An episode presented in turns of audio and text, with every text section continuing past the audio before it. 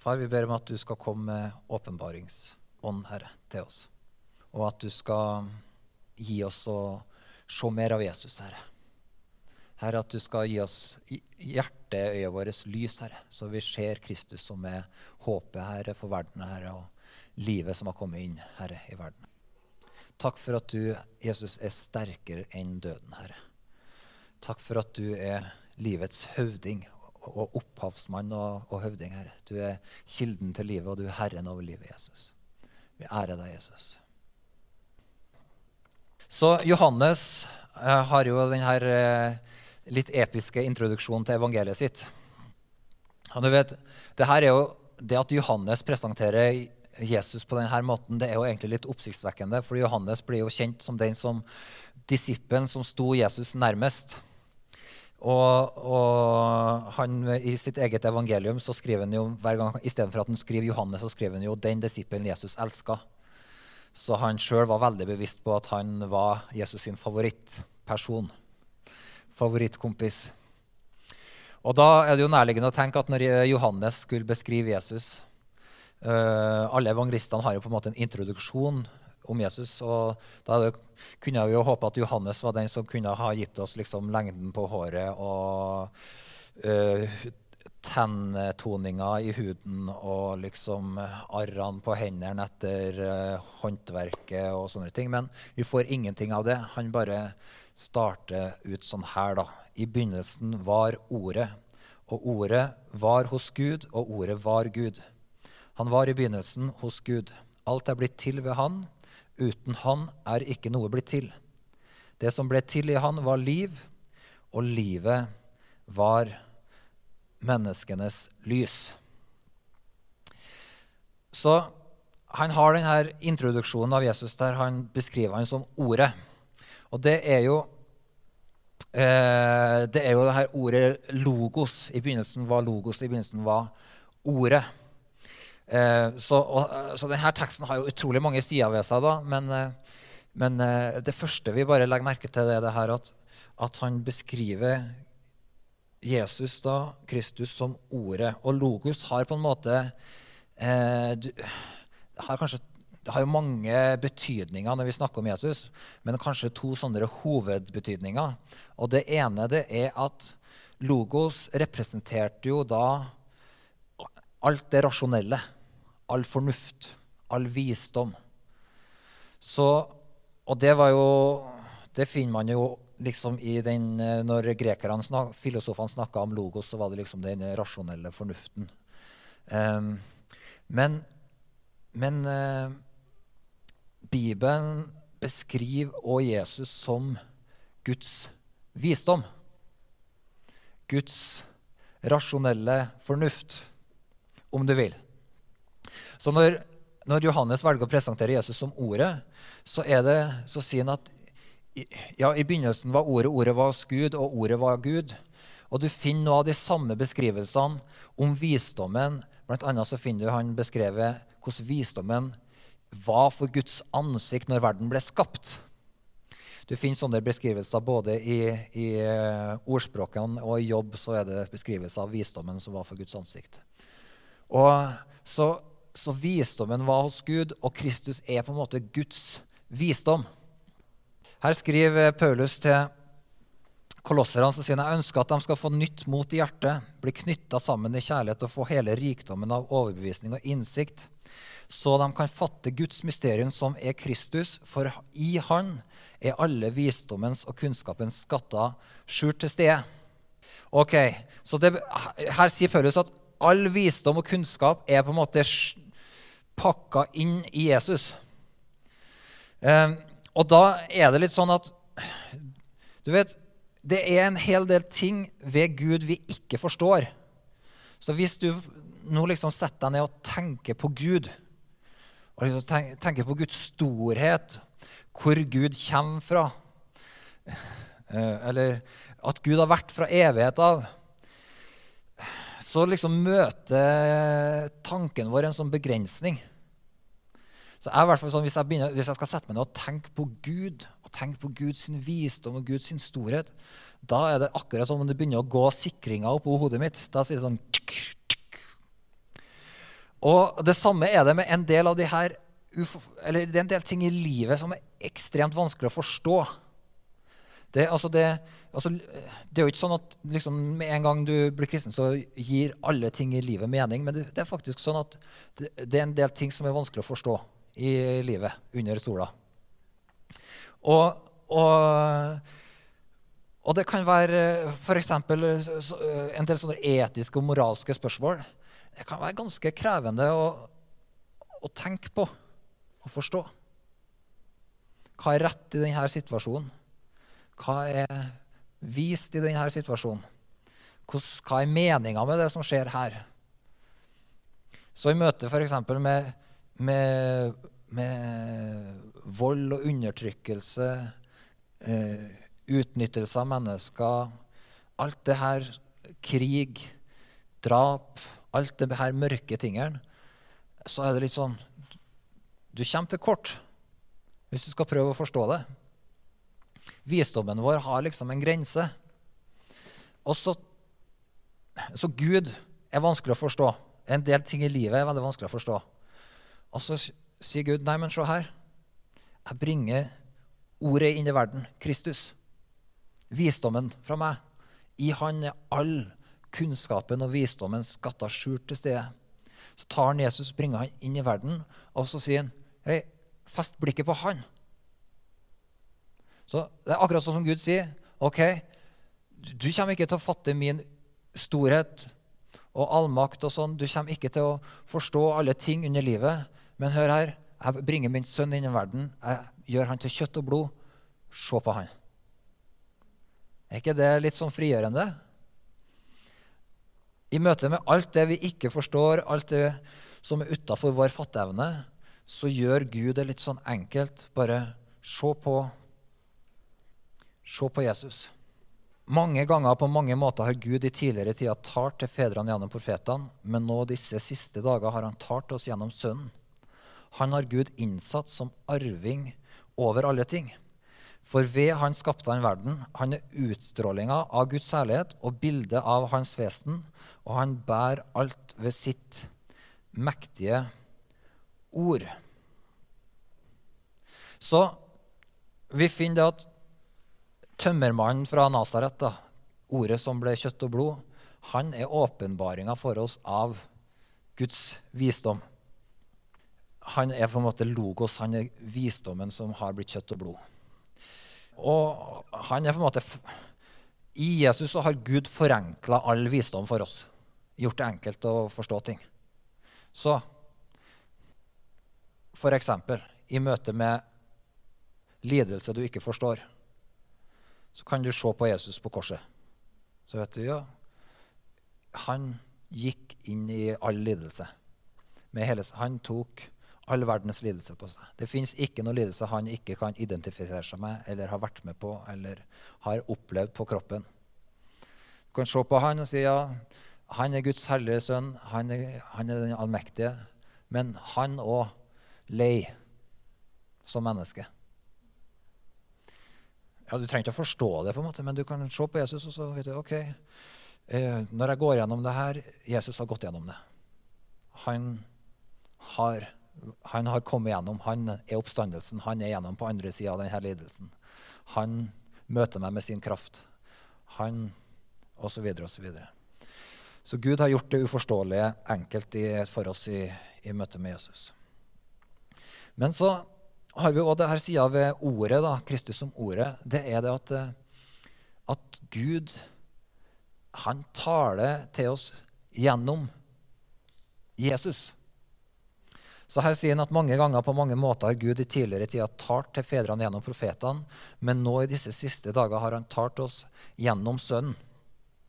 Så han er ordet fra Gud som har blitt kjøtt og blod. Så han, Jesus er på en måte budskap. Han er ikke bare Guds visdom, men han er også på en måte Guds budskap.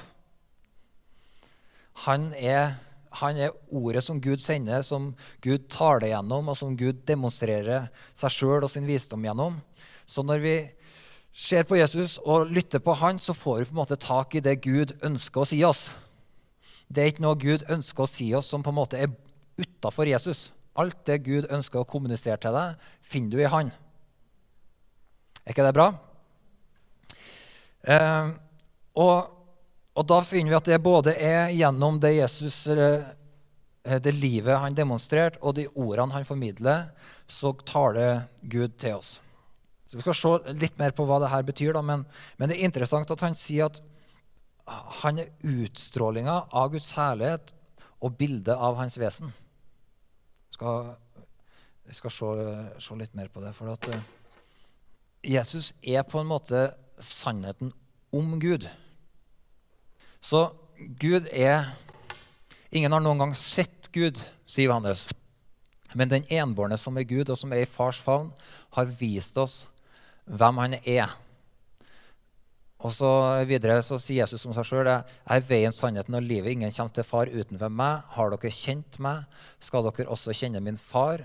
Og fra nå av kjenner dere han og har sett han. Så, så du har du har liksom det her eh, aspektet ved Gud at han, ingen har sett Gud. Han er den usynlige Gud. Og så gjør han seg sjøl synlig og kjent da gjennom Sønnen.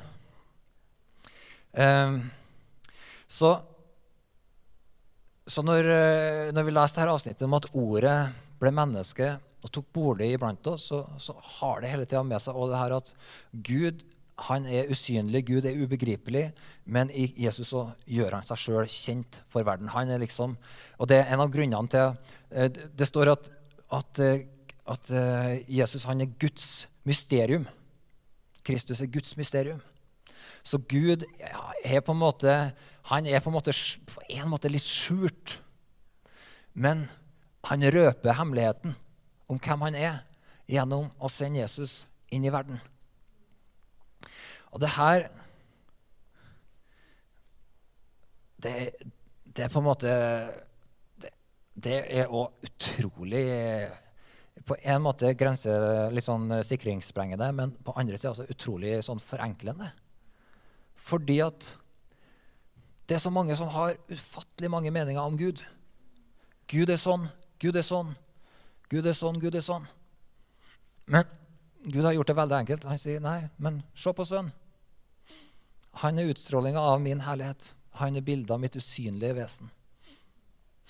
Så han Folk sier, 'Ja, Gud er' Folk kan si, 'Ja, nei' Av og til så leser jeg på, sånn, på nettet sånne kommentarer. Gud er urettferdig, og Gud er ond. Gud tillater ondskap. Han er ond. Og så sier nei, nei, nei. Bli med og se på Jesus. Se her. Her var det, her var det ei dame som var synda. Alle mennesker sa 'steina, drep henne'. Men Jesus, han som viser oss hvem Gud er, han sa ja, Hvis noen er uten syn, så kast den første steinen. Men jeg kommer med nåde, tilgivelse, gjenopprettelse, en ny start. Sånn er Gud. Eller disiplene som sa eller liksom Gud er fjern og langt unna. liksom langt bort fra oss. Og så kommer Jesus og sier han, nei, nei, jeg kjenner far. Han har telt hvert eneste hårstrå på hodet ditt. Sånn er han. Eller Gud er bare opptatt av de viktige folka og de viktige sakene i verden. Han bryr seg ikke om meg. Og så kommer Jesus, og så, så er det noen som kommer til Jesus med noen små barn, og så sier, Jesus, eller så sier disiplene nei, Jesus er litt for important for de her kidsa. Og så sier Jesus ah, ah, Kom til meg med barna. Ikke hindre dem. Guds rike hører sånne til. Gud er opptatt av dem. Så Guds hjerte vi, Når vi ser på hvordan Jesus møtte mennesker gjennom evangeliene, så oppdager vi på en måte hvem Gud er. Så vi på en måte så forholder vi oss til den usynlige, allmektige Gud, som er liksom langt utafor det vi kan fatte og begripe. Og så bare kommer han og demonstrerer sin herlighet og sin visdom gjennom Jesus og gjør det veldig enkelt for oss. Hver gang Jesus møter et menneske, så lærer vi hvordan er Gud i møte med mennesker. Hvordan er Gud i møte med lidelse? Når, når Jesus eh, ser enka som kommer og bærer sin eneste sønn kista og hulker ut av byen, så begynner Jesus å, å grine av medfølelse. samt, altså han, han st står der og vet at han har makt til å reise denne gutten opp fra de døde. Men, men hjertelaget hans Gud har så mye person at han til og med griner med mennesker i situasjoner der han vet at det er et mirakel på vei. ikke det fantastisk? Det var ut av denne med, altså, Gud agerer ikke ut bare ut av sin makt, men han, han handler ut fra medfølelse. Ut fra omsorg. Ut fra barmhjertighet. Så vi trenger å feste blikket på Jesus og liksom se på de her historiene i evangeliene. Og så lærer vi gjennom det, så oppdager vi hvem Gud er. Så alt det der uhåndgripelige vi ikke kan forstå ved Gud, det på en måte får vi en veldig, veldig enkel forklaring på i selve evangeliet. Så når Jesus sier 'den enbårne som er Gud, som er i fars favn', han har vist oss hvem han er. Eller Johannes som sier det. Eller når Jesus sier at uh, 'har dere kjent meg, skal dere også kjenne min far'. Fra nå av kjenner dere han og har sett han. Så Jesus er utrolig djerv. Han sier at fordi dere har sett meg, så har dere sett den usynlige Gud.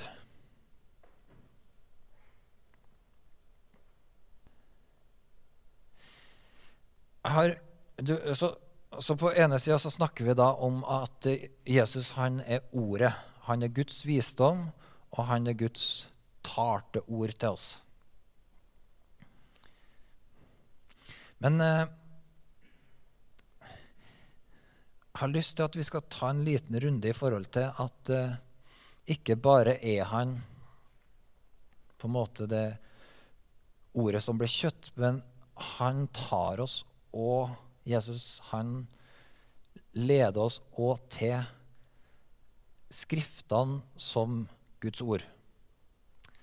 Og Det er en litt sånn viktig runde for oss. Eh, Paulus han skriver om eh, Skal vi se her. Han skriver om det som eh, vi kan kalle for eh, ikke fake news, men fake Jesus. Så han har det her eh, avsnittet her hvor han skriver til korinterne, så sier han er redd at slik slangen narra Eva med sin list, skal også deres tanker bli ført på avveie bort fra den oppriktige og rene hengivenheten til Kristus.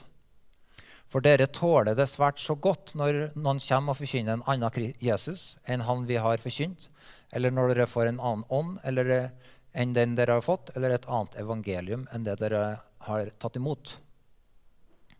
Så vi, her sier Paulus at det er utrolig viktig at vi får Jesus rett. For det fins en del sånne fake Jesus-utgaver rundt forbi.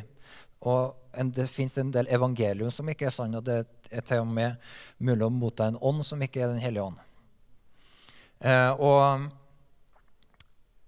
så det fins en annen Jesus enn han vi har forkynt, skriver Paulus her. Så hvordan vet vi at vi får tak i han som er sann Jesus? Det er ganske, ganske avgjørende for oss.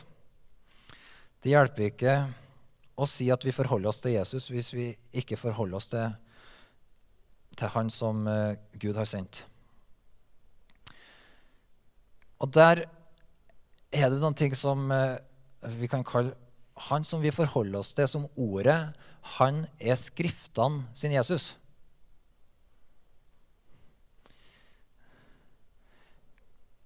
Jesus han sier det sjøl på den måten her at Far som har sendt meg, har sjøl vitna om meg. Hans røst har dere aldri hørt, og hans skikkelse har dere aldri sett. Og hans ord lar dere ikke bli værende i dere, for dere tror ikke på den han har sendt. Dere gransker Skriftene, for dere mener at dere har evig liv i dem. Men det er de som vitner om meg. Likevel vil dere ikke komme til meg, så dere kan ha liv. Så her ser vi at Jesus på en måte forankrer seg sjøl og forståelsen av hvem han er, i Skriftene. Han sier far har sjøl vitna om meg, så det betyr Gud har allerede avlagt et vitnesbyrd om Jesus. Men og ordene hans har eh, da til hensikt at de skal bli værende i oss. Men så sier han at dere gransker Skriftene, for dere mener at dere har evig liv i dem. Men det er de som vitner om meg. Så det her vitnesbyrdet fra Gud far om Jesus, det fins da i Skriftene.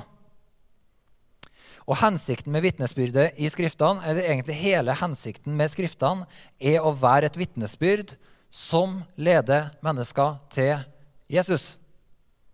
Det er hovedhensikten med Skriftene. Det er å lede mennesker til Jesus.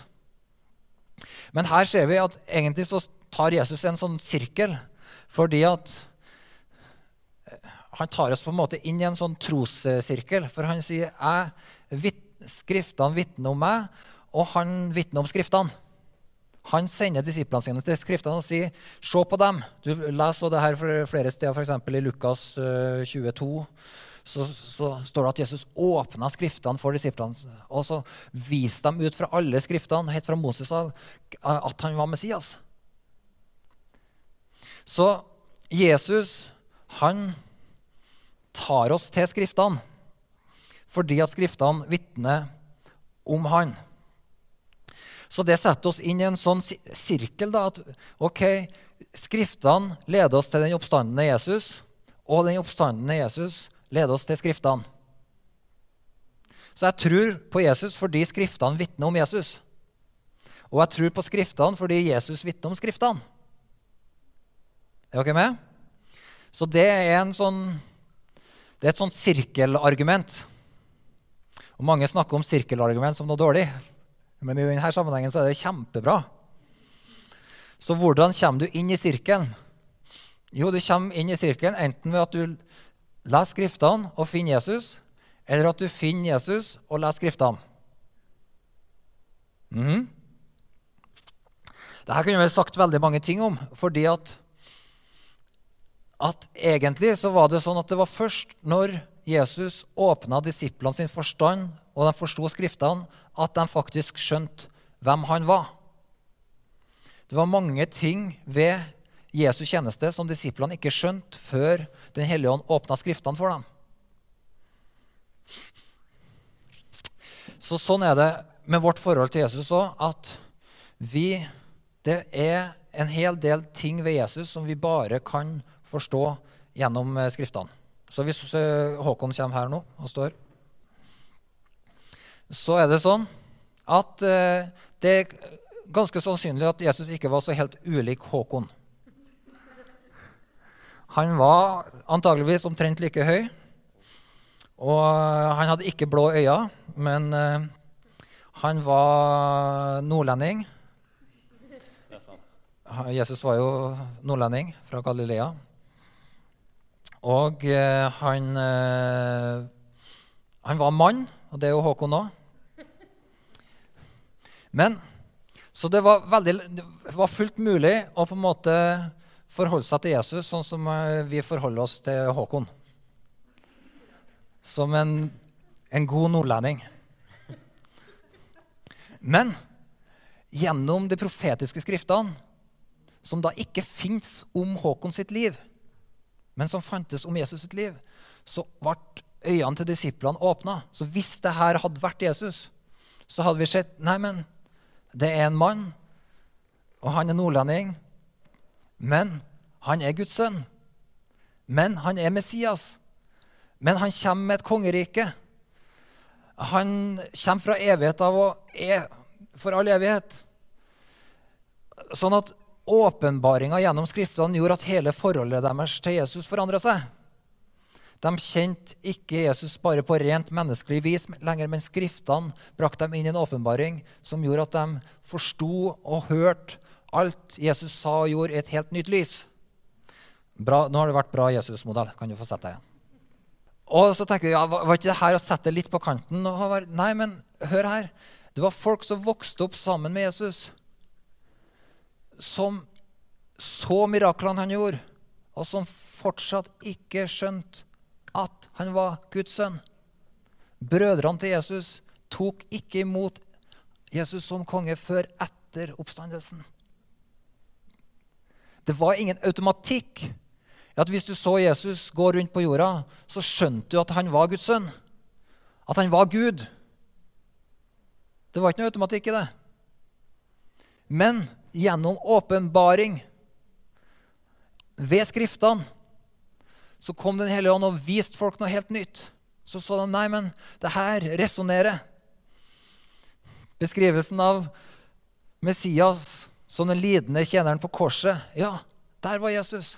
Eller fra Sånn som du leser om eh, sitatet fra Jesaja Nå proklamerer jeg et nådens år fra Herren. Frihet for fanger. Blinde skal få synet. Ja, ja, det er jo det som skjer. Det er jo Messias som er her. Det er Guds konge som har kommet. Er dere med? Så Skriftene åpenbart for folk hvem Jesus var. Til og med for disiplene hans trengte åpenbaring fra Guds ord for å se Jesus på rett måte. Og Sånn er det for oss òg. Sånn er det for alle mennesker. Og faktisk så går Paulus går ganske langt i betydninga av Skriftene for å få tak i ting. Hør her. Lovet være, lovet være Gud, Han som har makt til å styrke dere med mitt evangelium, budskapet om Jesus Kristus, ut fra åpenbaring av det mysteriet som har vært skjult fra evige tider, men som nå er kommet for dagen. Så han sier evangeliet mitt Paulus sier, evangeliet mitt det er budskapet om Jesus Kristus. Og det her, budskapet om Jesus, det er et mysterium som har vært skjult fra evige tider, men nå har det kommet for dagen. Og så sier han gjennom profetiske skrifter etter den evige Guds befaling er dette mysteriet blitt kunngjort for alle folkeslag for å lede dem til lydig tro. Og her er det har sjekka en 10-15 forskjellige oversettelser. Omtrent halvparten av dem sier gjennom Guds befal, eller Gud har befalt at gjennom profetiske skrifter skal dette mysteriet bli kunngjort for alle folkeslag. Så Guds befaling er at det skal være skrifter som kunngjør hvem Jesus er for nasjonene. Mm -hmm. jeg, har, jeg, har, lyst til å understreke det, for vi trenger å liksom løfte opp bibelteksten og si Hør her, folkens. Det her ordet er livsviktig. Vi trenger det her ordet ikke bare liksom for å bli litt mer opplyste kristne, liksom, men vi trenger det for å forstå hvem Jesus er. Og da skriver han her om de her, gjennom profetiske skrifter så er Jesus er kunngjort hvem Jesus er. Så det betyr at du har de profetiske skriftene gjennom hele det, det, hele det gamle testamentet er profetiske skrifter som kunngjør hvem Jesus er. Og hele Det nye testamentet er også sånne profetiske skrifter som kunngjør hvem Jesus er. Og de her skriftene da, er helt sentrale. Gud har befalt at gjennom de her skriftene så skal mysteriet bli kunngjort for alle folkeslag for å lede dem til lydig tro. Så å gi folk skriftene er en sentral del av evangeliseringa av folkeslagene. Det å hjelpe folk som ikke kjenner Gud, ikke kjenner evangeliet, til å få et forhold til å begynne å lese de her skriftene. Hjelp folk som ikke er kristen, som ikke kjenner evangeliet. Begynn. Hjelp dem til å porsjonere ut Guds ord. Begynn å lese sammen med meg. Vil du være med å lese? Jeg utfordrer deg, min kollega, min eh, nabo, min venn. Vil du være med meg? Vil du være med å lese gjennom Johannesevangeliet? Vil du være med å lese gjennom eh, apostelgjerningene? Vil du være med meg og se på de her skriftene? De har i seg et vitnesbyrd. Det er ikke, det er ikke hva som helst slags litteratur, på en måte, men det er hellige skrifter som Gud har innblåst ved sin ånd for å åpenbare sin sønn.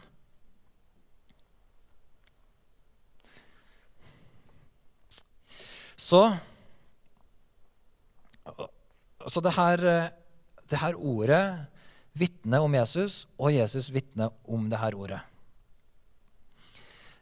Og da Vi skal ikke uh, bruke veldig mye tid på det, men, men det som, det som er, bare er viktig å legge merke til, er at Jesus han anerkjenner og autoriserer hele Det gamle testamentet.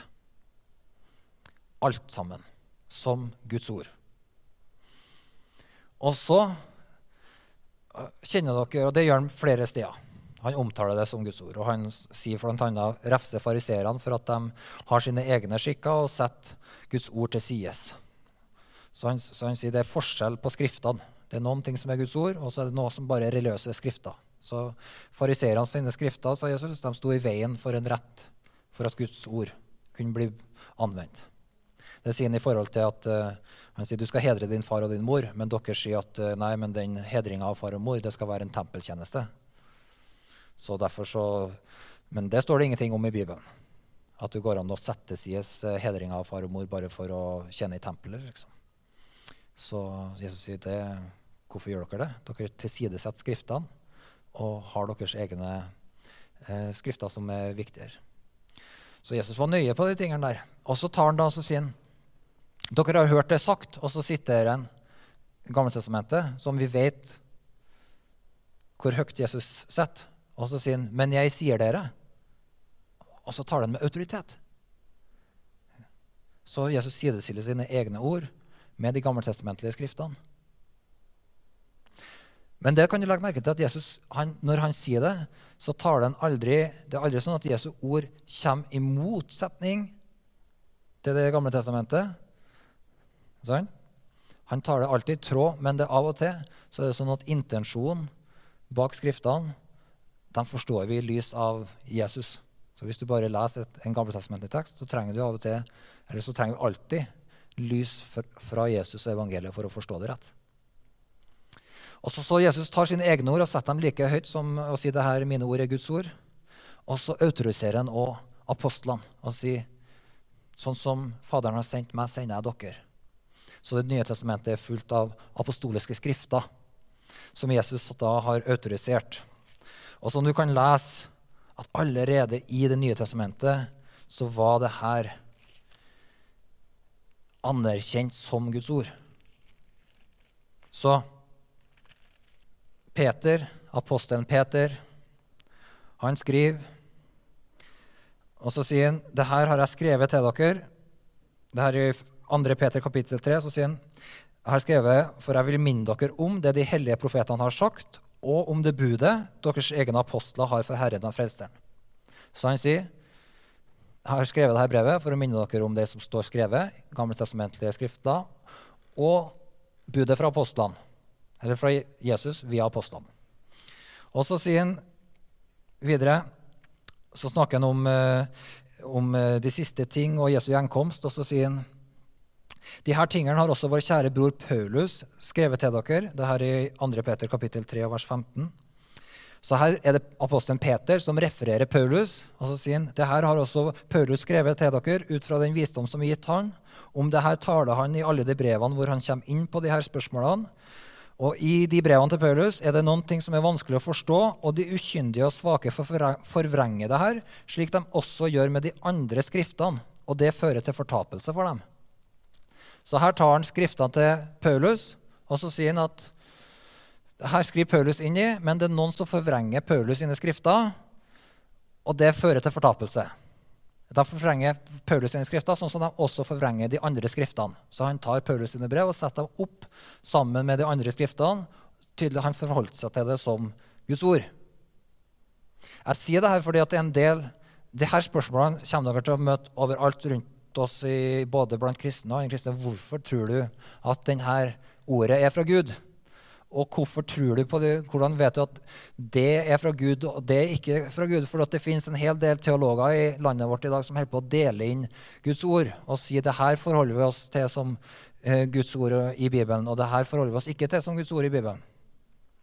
Men Jesus han autoriserer hele Bibelen. Så fordi jeg tror på Jesus, så tror jeg på hele Bibelen. Og fordi jeg tror på hele Bibelen, så tror jeg på Bibelen sin Jesus. Så av og til så møter jeg folk som sier ja, ja, men eh, jeg har fred med Jesus for at jeg skal gjøre sånn og sånn. Ja, Det er godt mulig at du har fred med Jesus, men du har ikke fred med den Jesus som jeg kjenner. Han lar deg ikke bare leve livet på din egen måte. Han er herre. Ja men, ja, men Jesus sier jo ingenting om de tingene her. Nei, men apostlene, som Jesus autoriserte, de sier noe om det. Eller Moses skrev noe om det, og Jesus autoriserte han. Mm. Er ikke det bra? Jeg sa til dere at vi skulle ha litt sånn undervisning her, og ikke sånn uh, At det er litt, litt, sånn skikkelig kost. Så, så, det betyr vi forholder oss til Skriftene sin Jesus, og Skriftene sin Jesus sender oss til hele Bibelen. Nå skal vi ta landet her, men jeg har lyst til å gå litt tilbake til det første avsnittet vårt. Fordi egentlig så tar Johannes introduksjonen sin, og så egentlig så bare speiler han hele skaperberetninga. I begynnelsen var Ordet. Så når du åpner Bibelen på den første sida, så står det at eh, i begynnelsen så skapte Gud himmel og jord. Jorda var øde og tom, og mørket lå over det store dypet.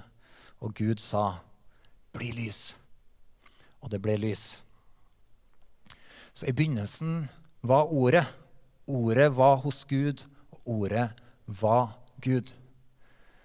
Vet, Jesus sier om seg sjøl at jeg er begynnelsen og slutten, jeg er alfa og omega. Så når du leser på det første bladet i Bibelen, i begynnelsen skapt Gud himmelen og jorden, så var ikke det på en måte et tidspunkt. Det var en person i Kristus. I begynnelsen. Skapt Gud. Og i begynnelsen var Ordet. I begynnelsen var Ordet hos Gud, og Ordet var Gud. Han var i begynnelsen hos Gud. Alt er blitt til ved han, og uten han er ikke noe blitt til. Og det som ble til i han, var liv, og livet var menneskenes lys. Så når Johannes går videre i kapittel 1 i evangeliet sitt, så går han videre fra skapelsen, og så sier han Folkens, det Gud gjorde i begynnelsen, i skapelsen, ved at han talte et ord, eller sagt med andre ord at han gjennom Kristus brakt hele verden til å bli, så gjør han det samme. For i vers 14 så sier han Ordet ble menneske og tok bolig blant oss, og vi så hans herlighet, en herlighet som den enbårne sønn har fra sin far, full av nåde og sannhet. Så det egentlig Johannes sier, det var at Hei, folkens.